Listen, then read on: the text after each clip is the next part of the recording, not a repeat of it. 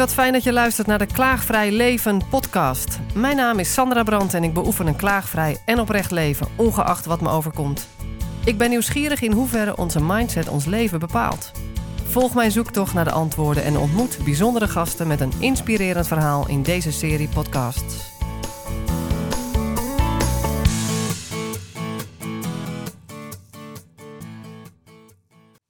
Annette van den Berg en ik ben directeur van het Centrum voor Effectieve Intuïtie. En ehm, ik geef ook al heel lang trainingen. En uh, ja, ik doe het met ongelooflijk veel plezier, elke keer weer. En ik zeg ook wel eens, ik ben mezelf mijn meest uh, uh, langdurige cursist. Want ik leer er zelf iedere keer weer zo enorm veel van. Dus ik doe het ook voor een heel deel voor mezelf. Want het is, het is zo boeiend. En iedere keer pak ik weer een nieuwe laag daarin. Ja, ik heb me wel eens laten vertellen dat je het meeste leert door het zelf uh, te ja, doseren. Ja, absoluut. De vaardigheidstraining. Absoluut, zeker. Ja. En hoe lang geleden je bent, hoe lang geleden hiermee begonnen? Um, ik denk dat ik al 35 jaar geleden ermee begonnen ben. Dat ik toen bij de, zat ik bij de eerste opleidingsgroep die Carolina gaf destijds. En ik ben nooit meer weggegaan. het greep me zo en zoveel dingen vielen op zijn plek. Kun je iets vertellen over je leven in die tijd? Um, mijn leven in die tijd was eigenlijk complete chaos. Ik had een heel beperkt beeld over mezelf en ik had alles eigenlijk om me heen gecreëerd, uiteraard, conform dat beperkte beeld. Dus de contacten waren niet voedend, mijn werkzaamheden waren niet voedend. En burn-out was toen nog niet echt een term die gebruikt werd, maar ik was het wel. Ik was, zat er echt heel erg doorheen. En toen ik die groep ging doen bij Caroline en dus meer in contact werd gebracht met mijn intuïtie, dat was een revolutie. Dat was echt alsof alles 180 graden draaide. Hmm. En ik opeens ging begrijpen waarom ik eigenlijk tot dan toe in mijn leven steeds tegen zoveel dingen aangelopen was. Hmm. Dus het was een hele. Uh, het gaf heel veel bevestiging aan de ene kant. En aan de andere kant was het een enorme shock. En, um, want mijn realiteit veranderde helemaal. En mijn kijk op mezelf veranderde helemaal. In één training? Ja, maar ook weer nee. Aan de ene kant was het inderdaad in één training. Is gewoon in een hele korte tijd, eigenlijk al na twee, drie lessen, uh, stond werkelijk alles op zijn kop. Zo, zo, ging ik er niet in. Ik ging erin van, goh, leuk, boeiend, interessant. En het raakte wel iets. Maar het was eigenlijk in een hele korte tijd dat alles op zijn kop stond. En ja, dat heeft uiteraard wel meer tijd genomen om dat een goede plek te geven. Maar het was wel eigenlijk in een hele korte tijd dat ik voelde van, oh wacht even maar, dit is totaal anders. Weet je, het is alsof je, alsof ik, niet alsof, ik zag opeens dingen, uh, connecties met dingen. Dus ik snapte opeens waarom ik bepaalde moeites had gehad als kind, waarom ik tegen dingen aangelopen was. En opeens, ja, mijn intuïtieve vermogen werd opeens zichtbaar. Mooi.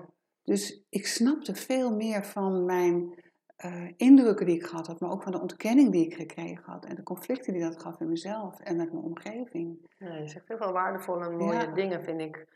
Um, dus het gaf je inzicht in je intuïtieve kant, oftewel ja, daarmee ja. bevestig je dat je hem al had en nu hè, kreeg je er zicht op. Ik wil ook nog even terug aan wat je vrij daarvoor nog vertelde, dat je door had hoe je je leven aan het vormen was naar het eigen beeld wat je ervan had. Wil je daar iets meer over vertellen? Ja, nou ja, weet je, het is, um, ja, als ik kijk gewoon hoe mijn leven toen was, dat, en ik denk dat het dus, dat, zo werkt het ook, dat op het moment dat je een bepaalde um, beeld hebt over jezelf en de gevoelens die daarbij horen, dan sluit je dingen uit die daar niet bij horen ja, en je ja. laat binnenkomen wat er wel bij hoort. Dus ik had vooral uh, contacten die uh, op een bepaald level lieten zien, oh, ik heb jou zo nodig. En dat gaf me een gevoel van bestaansrecht. Maar het waren ook contacten die, als ik ze iets gaf, daar eigenlijk weinig mee konden doen. Dus het was een eindeloze hoeveelheid dingen die ik weggaf. Maar dat, logisch, want dat kwam heel erg overeen met het beeld wat ik had. Want dit is mijn taak, dit moet ik doen, meer ben ik ook niet waard dan dat. Dus ja, logisch dat ik dat allemaal had. En ehm, de manier waarop ik met mezelf omging, of voor mezelf zorgde, of eigenlijk niet voor mezelf zorgde, juist contra, ja, dat kwam ook heel erg overeen met het beeld. En op een bepaalde manier gaf me dat ook een soort rust, want ik leefde mijn leven conform mijn beeld. Ja. Maar dat was toen opeens helemaal omgedraaid, dus mijn leven was een complete chaos. Want niks klopte meer, maar dat was ook precies wat nodig was. Ik herken dat eh, op het gebied van eh, het kunnen ontvangen van iemand die bijvoorbeeld contact met je opneemt, om te weten hoe het met je is. Zo, hè? Uh, ik had heel erg het beeld dat dat nooit echt bedoeld kan zijn voor mij. Dus dat, dat het niet echt is. Dat het meer een soort sociaal gewenste handeling is, totdat ik zeg maar anderhalf jaar geleden, of ja, uh, bedacht, maar dat is misschien helemaal niet aardig, want die persoon die zegt allemaal heel lieve dingen. Ja. En misschien meent hij het wel. Het is toch eigenlijk niet aardig om het elke keer weer eh, te pareren of opzij te zetten met een grapje of zo. Misschien, is, dat, misschien is het wel waar. En toen ben ik eens gaan spelen daarmee. Van nou, laat ik het eens aannemen. De vriendelijke dingen die mensen zeggen. Uh, misschien klopt het wel. En dat was best hard werken. En nog steeds wel eens. Maar ik zie dat het daarmee te maken heeft. Ja, het, het is, komt meer in het reinen met nou ja, met wat is zou ik nog niet helemaal kunnen zeggen, omdat ik het nog niet altijd kan aannemen. Maar daarmee ontwikkel ik wel veel gezondere relaties. Ja. En het is veel voedender en veel volwassener. Dat andere is een oud kindstuk, denk ik. Ja. Nou ja, en ik heb ook inderdaad het gevoel van, en dat begrijp ik ook een beetje uit jouw verhaal, van, weet je, doordat je daar doorheen gaat, je ook meer in contact komt met eigenlijk een heel authentiek stuk van jezelf. Wat niet die beschadiging heeft, wat niet die uh, ja, toch beperkende overtuigingen heeft opgedaan, maar wie je werkelijk bent. Het onbevangen kind eigenlijk weer meer, waarmee je kunt ontvangen. Ja. ja, en het is nog stoeien daarmee, ja. Dus ik zoek daarin ook wel de speelse, ontspannen kant weer. Maar die, nee, dan ben ik de laatste tijd weer een beetje kwijt. Uh, maar goed, het is ook mooi om dat te zien, om dan weer de nieuwe intentie te zetten van ik wil weer meer uh, de, het spelende, luchtige type zijn. Ja, zeker. Nou weet je dat ik altijd merk van dat ehm, eh, als je al bezig bent met de bewustwording ervan, dat het al zoveel uitmaakt in je energie. Dat het zoveel scheelt. Dat het vaak nog niet eens is van ook ik heb het helemaal in de pocket. Maar dat bewustzijn maakt al dat het niet meer in die groef zit van die vanzelfsprekendheid. En in energie is dat echt wel een wereld van verschil. Ja, ja. en op de een of andere manier denk ik nu aan wat we vlak voor de opname we zeiden tegen elkaar over dat jezelf geruststellen. Ja. Dus op het moment dat het even iets niet lukt, of je bent even de sleutel kwijt, dat je merkt, oh, in de stress.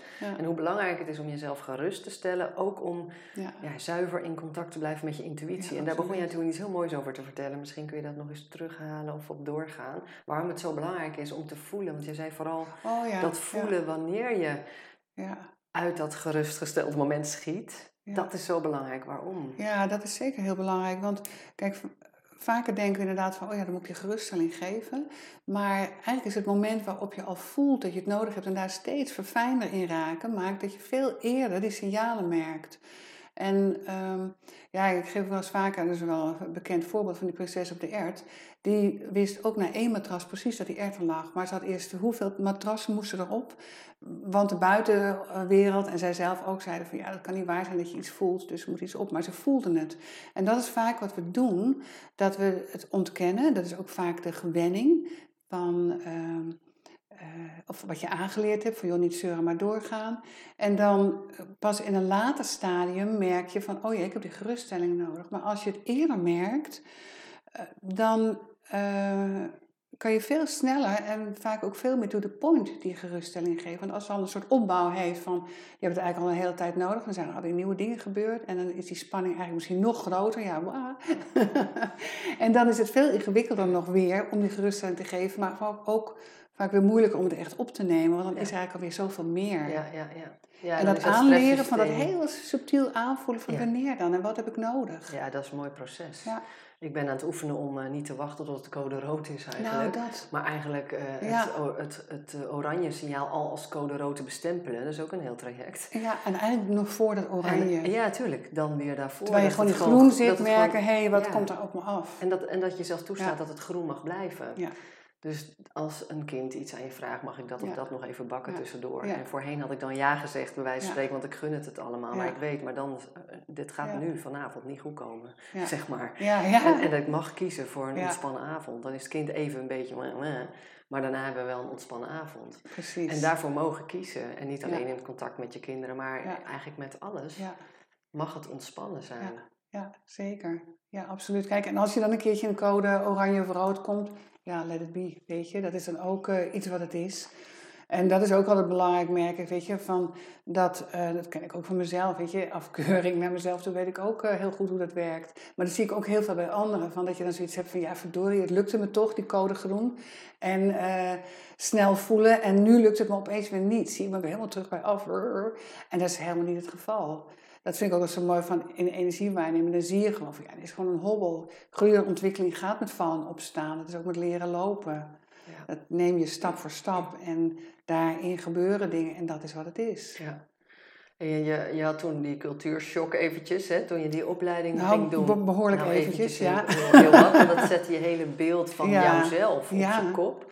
Je zag waarschijnlijk heel pijnlijk in, wat je ook zei, het was ook pijnlijk. Ja wat je zelf aan het doen was. Ja. Nou, de kunst om jezelf daar niet weer voor af te ranselen natuurlijk, want dan zit je in hetzelfde systeem. Ja. En ja, wat ontstond er toen? Nou, eigenlijk het grote niets. Um, want de contacten die ik had, die vielen eigenlijk allemaal weg. Dat is eigenlijk een hele korte tijd gebeurd. Omdat vraag en aanbod klopte niet meer. Snap je? Ja, dat is wat het is. Dus we zaten scheef. En um, ja, dus het was de ene kerst had ik nog heel veel contacten en de volgende kerst had ik inderdaad de kerst alleen. En tegelijkertijd voelde het heel bevrijdend. Ja. En het was ook in mijn huis. Ik heb toen ook in die tijd alles naar de tweedehandswinkel gebracht waarvan ik dacht, word ik hier nou gelukkig van? Is dit nu wat mee resoneert met mij? En um, ik, heb, ik heb een moment gehad dat ik alleen een tafel en een stoel in de kamer en een bed. En ik dacht, voor de rest weet ik wat ik nodig heb. En voor de rest weet ik even niet meer. Maar ik had ook zo'n behoefte om niet meer toe te laten wat niet op dat moment in ieder geval voelde als fijn. En ik dacht dan maar de leegte. Dat voelde ik eigenlijk heel verruimend om die leegte er gewoon te laten zijn. Omdat daarin ook veel meer naar boven kwam wat me dwars zat. Wat ik heel diep verstopt had.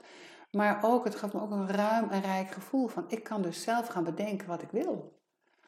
En ik had er heel veel behoefte aan om dat heel lang te laten voortduren. En natuurlijk kan je dat in alle tijd nog steeds besluiten, maar ook om die ruimte te voelen, om niks in te vullen. Waardevol. Ja, ja, dat was echt, het heeft echt een tijd geduurd. Het was heel, heel verrijkend. Dus de ruimte voelen om niks in te vullen. Ja. En ik weet wel, dat iemand kwam bij mij, uh, ik gaf in die tijd ook wel readings, en zei, goh, ga je verhuizen? Want ik had gewoon haast niks staan. Zo, het was gewoon leeg. Maar het was zo fijn.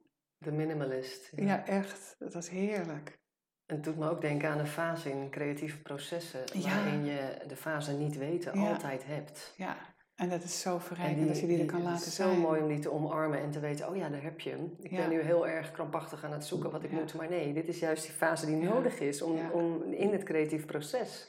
Het niet weten omarmen is ook een levenskunst.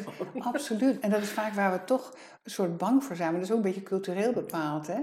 Van uh, weet je het nou nog niet? En uh, oh, heb je nog geen keuze gemaakt? Terwijl ja, het is zo waardevol om die ruimte inderdaad te omarmen, wat je zegt. Ja, ja. Dus dat kon jij. Had je daar hulp bij nodig? Of hoe heb je dat um, aangepakt? Nou, het, het, het, een aantal omstandigheden kwamen bij elkaar. Twee hele goede vrienden van mij, of mijn beste vrienden eigenlijk, die zijn in die tijd ook overleden. Uh, die hadden aids. Het was in de oh. tijd dat aids nog niet uh, uh, te genezen was. Of er nog niet iets was om het te, te nou, mm-hmm. leefbaar te maken. Dus het gaf, en ik stopte met roken, want ik, daarvoor rookte ik nog. Maar dat, ik dacht, nou weet je, ik ga nou all the way. Hmm. Weet je, dus de twee belangrijkste mensen in mijn leven zijn er niet meer. Uh, de roken ging los. Ja, dat was heel heftig, maar ik dacht, ik ga er nu echt helemaal in. En um, ja, dat was, een, was wel ook een hele zware tijd. Dus ik heb toen ook wel hulp gezocht erbij. Echt ook iemand met wie ik uh, ja, een soort, of soort therapeutische ondersteuning gezocht. En dat was toen heel waardevol voor mij, omdat zij heel goed kon luisteren en zien en mij kon zien waar ik was. Mm. Dus en mijn kracht kon zien, maar ook mijn enorme kwetsbaarheid en ook de chaos, maar ook de verrijking die het gaf. Dus dat was heel waardevol, omdat zij echt al die facetten zag. En me niet vastpinden op, ach, wat sneu voor je. Of ach, wat moeilijk. Of ach, wat zal je je alleen voelen. Maar ook niet van, uh, je kunt het en je kunt het en je kunt het. Dus het was hele, heel fijn voor mij toen. Daar heb ik echt heel veel en, aan En niet vanuit een diagnose, maar vanuit het hele mens. Maar gewoon vanuit kijken van wie ben jij, wat heb jij nu nodig. En wat eigenlijk heel dicht bij mijn energie blijven. Wat heeft jouw energie nodig om te helen? Dus het was ook iedere sessie weer heel anders. De ene keer uh, mocht ik boos zijn en de andere keer verdrietig zijn, de andere keer toekomstplannen maken en de andere keer heel tevreden zijn met mezelf en de andere keer denken, wauw, dit komt nooit meer goed. Maar ik kan me voorstellen dus dat uh, het vinden van zo iemand ook uh, op dat moment dan mag passen bij dat wat jij jezelf gunt en het nieuwe leven wat je voor ogen hebt. Dus... Ja, ik denk dat door die rust en die ruimte die ik toen gecreëerd had, dat ik inderdaad op dat moment wel heel goed kon voelen wie bij me paste. Ja. Dus eigenlijk hetzelfde als met wat wil ik in mijn huis hebben, welke vrienden wil ik, ja. kon ik ook heel goed voelen van ja, maar jij klopt voor mij nu. En uh, ja. Mooi.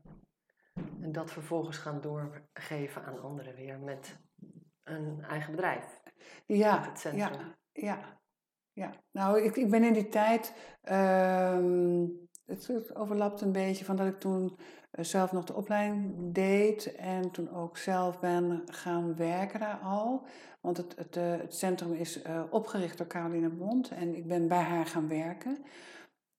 Um, het, ze kwam gewoon niet meer van me af. Ik was zo gegrepen door de materie en ik vond haar werkwijze en vind haar werkwijze zo voedend. Ja. Dus um, uh, ja, ik ben er gewoon uh, bijgebleven en het, het, het, heeft mij ontzettend veel gebracht. En dan ben ik zo benieuwd in hoeverre het nu dan nog verdiept, hè? Na oh, zoveel ja. jaren. Hè? Ja. Je blijft natuurlijk inzicht ja, krijgen. Absoluut. Ik herken dat zelf ook, maar ik ben even benieuwd naar jou. Uh, ja, want wat ik, wat ik merk van, ja, wat het, wat het voor mij doet, maar ik vind het ook interessant om te horen van hoe jij dat dan doet, is dat ik merk dat, kijk, het werken met energie maakt dat je steeds op je eigen niveau kan pakken. Dus wat ik doe, is dat ik, um, ik merk ook, mijn energie is heel leergierig. Dus ik doe ook altijd voor ik een les geef, eerst een aantal dingen van mezelf weer. Want ik weet gewoon, mijn energie denkt, yeah, daar gaan we weer. Weet je wel, lekker hartchakra, lekker kruinchakra. En er is iedere keer weer iets nieuws te ontdekken. Um, groei, energetische groei en ontwikkeling is eindeloos. En ik voel me nog net een soort Alice in Wonderland, weet je net wat En eigenlijk nog meer, omdat die grote schokken eraf zijn en ik beter weet hoe kan ik met mezelf omgaan, mm. gaat het eigenlijk nog dieper. Maar ook vrij recent heb ik weer dingen ontdekt, wat maakt zo'n shift in mijn bewustzijn. En ja, dat vind ik zo gaaf. Kun je daar iets over delen? Um, nou ja, dat ik eigenlijk um, me bewuster geworden ben van bepaalde um, patronen die er in het gezin van herkomst zijn geweest. Mhm. En uh, ook het, het, trauma wat mijn ouders meenamen vanuit hun eigen jeugd, maar dat ik me dat nog meer beseft heb, uh, nog weer op een dieper level, van wat dat um, voor mij betekend heeft mhm. en hoe dat mijn leven gekleurd heeft. Mm -hmm. Ja, daar ook een bepaalde ervaringen en daar ben ik ook heel benieuwd naar. Ja, ik uh, heb wel helder gekregen afgelopen weken hoe ik geleerd heb om altijd de ander te begrijpen. Ehm, maar hoe dat eigenlijk ook een alibi altijd is geweest om zelf maar niet je uit te hoeven spreken. Vanuit, het, vanuit de vrouwenlijn, zeg maar, generaties terug. Zo zie ik het nu. Dus dat je eigenlijk altijd geleerd hebt om te snappen waarom de ander zo reageert zoals hij reageert. Ook al is het ontzettend vervelend. Ja. En met dat begrip dan maar het uh, zogenaamd opzij te kunnen zetten. En, maar ja, ik was laatst uh, op een plek waar iemand iets zei wat ik helemaal niet prettig vond. En ik dacht, ja, ik kan dat nu voorbij laten gaan. Maar dit voelt niet prettig en ik wil mm. zuiverder leven. Dan heb ik naar diegene toe te gaan om te zeggen, wat je nu zegt vind ik helemaal niet prettig. Ja. Dus dat heb ik gedaan.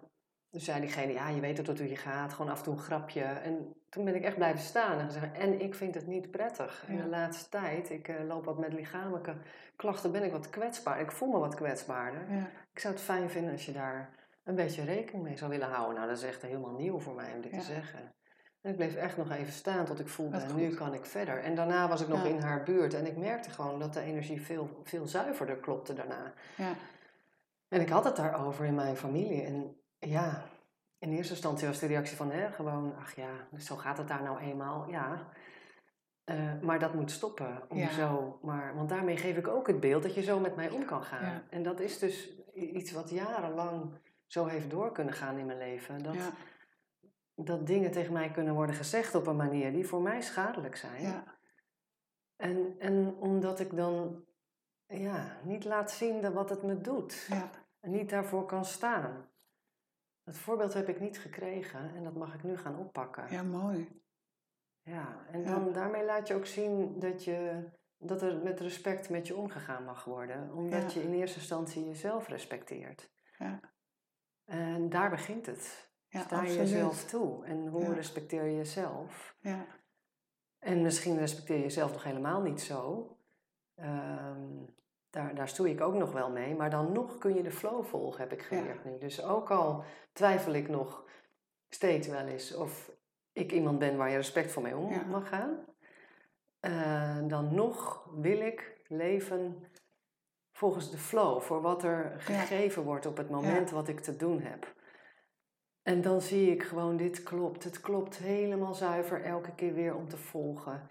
Ja. Het pad wat voor me snuffert ligt, waarvan ik intuïtief voel wat ik te doen heb. Ook al twijfel ik nog of ik het recht wil hebben. Nou, enzovoorts. Ja. Snap je een beetje? Ja, dus ja zeker. en, en daarmee groeit natuurlijk ook het gevoel van... ja, zo mag het zijn. En zo mag iedereen gewoon zichzelf laten zien. Ja. En ieder, natuurlijk, iedereen heeft een reden van gedrag.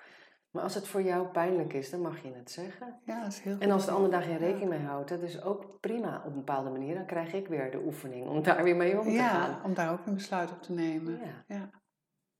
Ja. mooi. Maar ook mooi wat je zegt over die vrouwenlijn.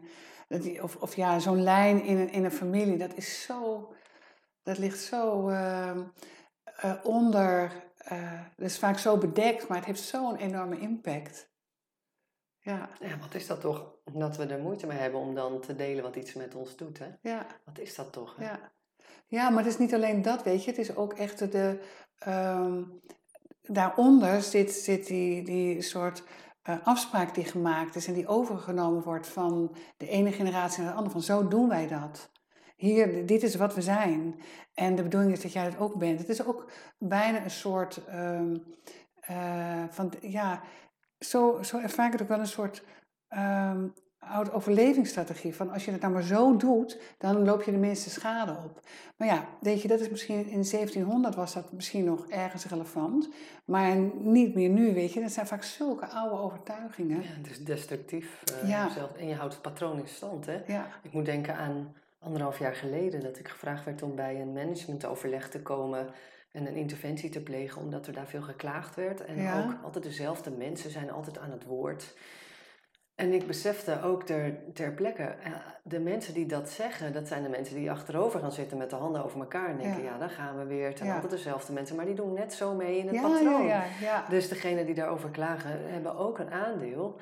En dan gewoon kijken, maar wat is nou de onderliggende behoefte? En wat is jullie... En uiteindelijk ging het over medemenselijkheid laten zien, stiltes kunnen laten vallen, kunnen luisteren onder wat gezegd werd. Ook weer een beetje spelen met elkaar. Ik had een theatersport uh, oh, goed, werkvorm erin. En elkaar werkelijk ontmoeten in mens zijn en niet in, meteen in taken en, uh, en snel, snel. Op een andere manier kijken. Ja, in het uh, aanwezig zijn in plaats van het reactief zijn. Ja.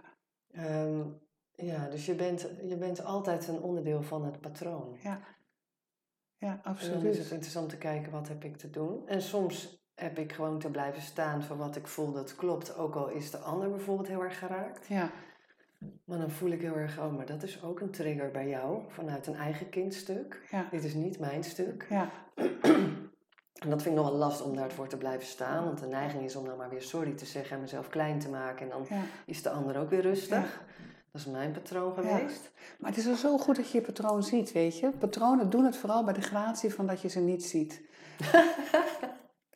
want dan zitten ze lekker dan gaan ze door. Maar op het moment dat je ze ziet, heb jij er meer last van. Ja, klopt. Maar energetisch is het een heel verschil. Wat fijn dat je dat zegt. Daar word ik altijd heel blij van als mensen uh, eigenlijk zeggen van... oh, ik kom er niet meer uit. Dan, want in die energie laat zien... ja, dan ga ik inderdaad met een beetje duim omhoog uh, eigenlijk zitten. En dan denk ik, ja, je ziet gelijk heel verschil. Maar het is veel lastiger, want je bent nu bewust. Bewust onbekwaam, dat is ja. het natuurlijk. Waar ik er zo last van heb. Ja. en, het is, je gaat het veel meer merken net als dat je een stopwoord wil stoppen... of een gewoonte wil stoppen. Je merkt het de hele dag, je struikelt eroverheen. Je hebt gelijk, ja. En dat is wat het is. Dus eigenlijk een heel goed teken. Dat geeft echt rust meteen, hè? Ja. En dat, is, dat vind ik zo belangrijk van, uh, weet je, meer inzien van waar zit ik en waarom gebeuren de dingen zoals ze nu gebeuren. Ja. Wow. Ik moest trouwens nog aan één ding denken van over die familielijn, want ik had net vorige week ook iets gedaan. Um, mijn moeder had een, uh, mijn moeder leeft niet meer, die had een bureautje, dat had ik gekregen. En ik dacht altijd, oh geweldig. En ik kwam geloof ik ook weer bij haar moeder vandaan. Dat was echt zo'n, was een soort heilig bureautje. En, uh, maar ik bewaar hem dus eigenlijk weer voor mijn dochters. En hij is te klein voor mij. Ik kan er dus niet aan zitten. En het stond eigenlijk verschrikkelijk in de weg. Um, en uh, mijn dochters, toen bleek eigenlijk al heel lang dat ze hem eigenlijk helemaal niet willen. Maar dat had ik geskipt. Maar eigenlijk ben ik hem dus aan het houden voor mijn dochters. En toen dacht ik op een gegeven moment van, ja, dit is gewoon niet goed. Ik moet gewoon inderdaad die lijn doorknippen en hen bevrijden van... Dat van het bureautje? Van het bureautje. Maar het bureautje staat ook, want mijn moeder was echt zo'n bewaarder. En haar moeder ook. Ze kwamen uit, uit gezinnen waar weinig financiële middelen waren. Dus je moest zorgen, je moest vasthouden wat je had aan bezit... om door te geven aan de volgende generatie. En vooral van vrouw naar vrouw. Want jij hebt je gezin en jij moet het dragen, want je weet maar nooit hoe het gaat. Maar dan kan jij nog dat doen. Dus eigenlijk vanuit een hele goede intentie. Maar toen dacht ik, gewoon hoe bevrijdend zou het wel niet zijn om dat bureautje te verkopen. En dat heb ik dus ook gedaan. En mijn dochters waren allebei ontzettend blij van... oh, is dat depressieve eh, bureautje eigenlijk weg? Want die voelde, het bureautje was niet depressief... maar die voelde die zware energie. Toen dacht ik, oh, wat is het toch... Hoe zit het ook, hè? Dat ik het ook echt alweer aan het bewaren was voor hen. Want ik wil het zelf niet, maar ik bewaar het voor hen. Nou, ik ben blij dat ik het doorgeknipt heb. Maar ik dacht, oh, dat is eigenlijk zo'n een duidelijk voorbeeld van hoe dat werkt. En dit is dan stoffelijk iets, maar dat doen we natuurlijk energetisch ook. Wat jij ook een voorbeelden gaf van bepaald gedrag, bepaalde houding. Ja, dat geef je dan door. En hoe waardevol is het niet alleen voor jouw leven, maar ook voor alle generaties na jou, dat die bevrijding in zit en die ruimte er is om anders. Nou, de bevrijding zit, hem, zit bij mij er echt in elke keer die momenten dat het lukt om helemaal in flow te leven. Daar zit die bevrijding. En daar, want gisteren was ik even in het park met mijn jongste aan het voetballen. En ik had daarvoor even een momentje moeilijk gehad. En er liep daar een man van een jaar of zeventig met zijn kleinkinderen. Ik weet niet, we raakten even aan de praat toen het voetballen over was. Mijn jongste ging in een mierennest zitten frutten en interessant zitten kijken. Dat uh, vond hij geweldig. En, en op een of andere manier, ja, ik heb daar even een paar tranen laten zien. En die man die was uh, echt oprecht dankbaar dat ik even deelde. Totaal, oh, zou je zeggen, onbekende. Maar ik voel niet dat we onbekenden zijn voor elkaar. Nee. Uh, en hij uh, pakte me vast, echt een, een, stevige, een echte arm om me heen. Uh, ik legde even mijn hoofd op zijn schouder, weet je wel. Oh, nee, en, en hij vond het echt heel fijn. Hij zegt, ja, ook ik zit in patronen, weet je wel. Dus we hadden het over patronen en over dat je daar tegenaan loopt te boksen dan. En, en, en Mooi, is een open contact, ontmoeting dan. Nou, en ja, ja, Dat, dat heb ik steeds meer. Ik heb echt super bijzondere mensen sinds een paar jaar om me heen. Mooi hoor. Vanuit ja, het echte contact, joh. Ja. Ja, dus echt als je anders kijkt en anders handelt, dan gebeuren er zoveel andere dingen. Echt, hè? Dat is echt magic. Absoluut.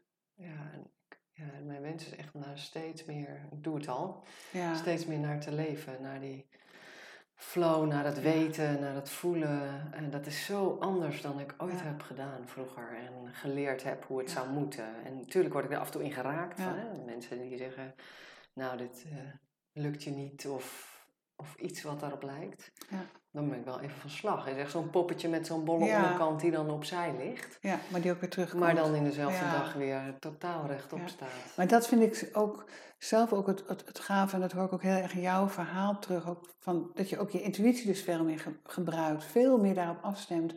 En ja, je intuïtie is zo is zo'n gaaf instrument en je intuïtie klopt altijd.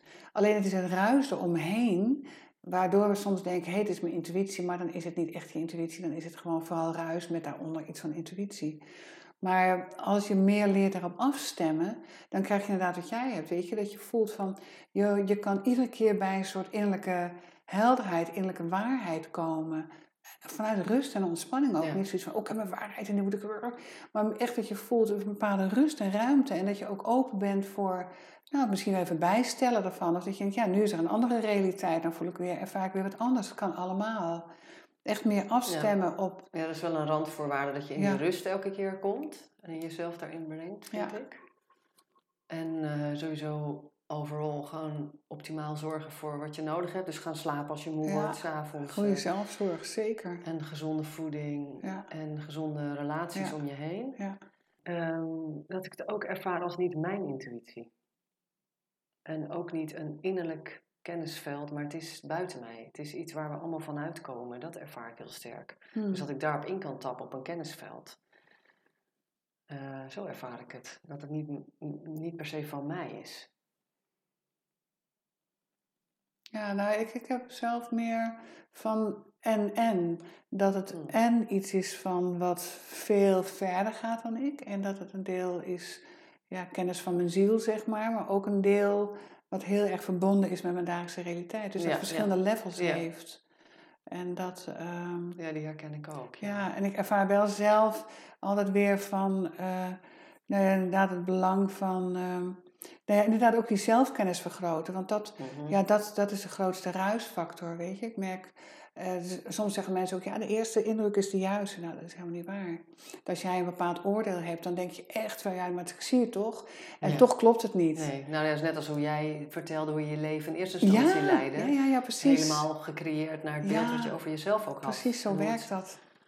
Ja. Interessant ook. Om en daar valt zoveel in te ontdekken. Ja, nou ik vind het wel interessant Ja. daar nog eens naar te kijken. Gewoon persoonlijk voor mij en de luisteraars waarschijnlijk ook. Van wat ben ik aan het creëren? Wat past? Wat de meeste rust geeft, omdat het past bij mezelf. Kijk, en ik denk dat zeker in deze tijd waarin er zoveel verandert, maar ook nog gaat veranderen, want we zitten echt in, wereldwijd in een transformatie. En dat is ook super belangrijk en het is ook heel goed dat het gebeurt.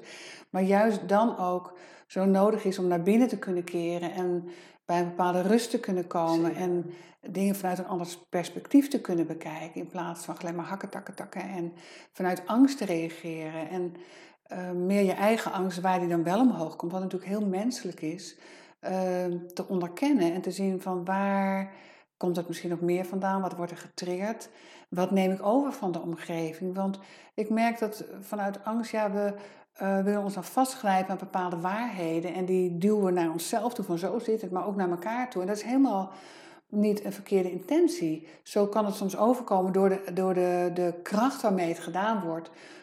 Nou, wat ik daarachter zie is het vaak een soort ja, overlevingsbehoefte. En dan teruggrijpen op een hele primaire manier in Ja, feite. Maar ik merk, ja, contact maken met je intuïtie, dat het echt maakt dat je, nou, wat je ook noemde, meer vanuit die rust, die Ja. zelfzorg, heel anders aanwezig bent. En veel meer kunt kijken en waar sta ik. Ja, dat, is, dat helpt mij heel goed om Ja. te kunnen onderscheiden van wat doe ik waar vanuit. Is het Ja. vanuit die flow en dat, ja, die plek van, vanuit voor mijn buik, dat het vanzelf gaat, dat de timing me precies vertelt wanneer ik wat moet doen. Of is het die reactieve staat, want die is per definitie vanuit een angst en dus vanuit een trigger. En daar worden we natuurlijk regelmatig mee. eh, Ja, ja. Ja, dat is natuurlijk bij alle veranderingen. Hè? Van je weet wat je hebt, je weet niet wat er komt. En dat is Mhm. hartstikke spannend. ja. En, eh, En dan toch weer wachten tot die rust daar is, maar ook Ja. daarvoor zorgen. Dus apps van je telefoon en eh, niet je continu laten beïnvloeden Ja. door van alles wat je om je heen Ja. gebeurt. Maar ook wat jij ook deed met je, met je woning en met de leegte. En ja, om weer te zakken in de rust precies. en te kunnen voelen. Ja. En dus jij hebt waarschijnlijk ook een heel nieuw netwerk ontwikkeld. Oh ja, absoluut. Ja. Absoluut. Het- Mijn hele leven is totaal veranderd. Maar ook, Is De- het nu weer een weerspiegeling van oh ja, hoe jij meer. naar jezelf kijkt? Ja, ja, zeker. Maar dat verandert ook nog weer steeds. Hè? Dat is natuurlijk, dat vind ik het mooie van hiermee bezig zijn met persoonlijke ontwikkeling. Dat gaat gewoon door. En ehm daar, er is eh, wat, ja, er is voor mijn gevoel niet een punt waarop je zegt, oh, nou heb ik alles binnen. Nee. Want, want dat is nou juist, het, ja, dat Het is organisch, hè? Ja, dat is altijd weer meer. Hey, en, en wanneer eh, heb je weer een training als mensen dus aan willen Ehm, sluiten? Of- Ja, ja, ja nou, in ik start altijd in het voorjaar, in het najaar met een nieuwe groep. Dus ook nu in het najaar weer. En we mogen weer live. Mhm. Dus dat is super gaaf. Nou, ook heb ik ook wel heel fijn online kunnen werken. Heb ik ook een bepaalde manier voor gemaakt om toch, want ja, dat is het fijne met energie werken.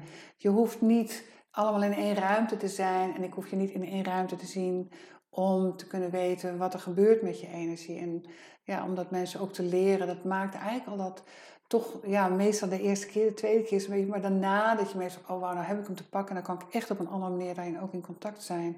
Dus op zich gaat het ook gewoon door hoor. Dus ook als er weer andere regels komen. Maar nu kunnen we weer lekker live en dat is Ja. natuurlijk heel gaaf. Hey, en waar kunnen, kunnen luisteraars naartoe als ze jou willen vinden of het centrum Dus ja, ze kunnen kijken op de website www.effectieveintuïtie.nl. En eh, ja, daar staat alle informatie op. En eh, sta ze graag te woord. Ja, je kan ook altijd even een kort eh, gesprekje met mij eh, afspreken om te kijken van, hey, sluit het aan bij wat jij zoekt en wat je wil. Ja. Ja, en ik ben nog zelf altijd reuze enthousiast over. Dus ik moet altijd opletten dat ik niet veel zo ga praten. Maar ja, dat raakt me nog iedere keer ook. Ik heb er zelf Ja. zoveel aan gehad en nog alle dagen. Nou, dat is heel authentiek wat je Ja, dat ik echt merk Ja. van, eh, ja, dit is gewoon... Heerlijk. Super gaaf. Super fijn om jou te ontmoeten. Ja, nou, wederzijds.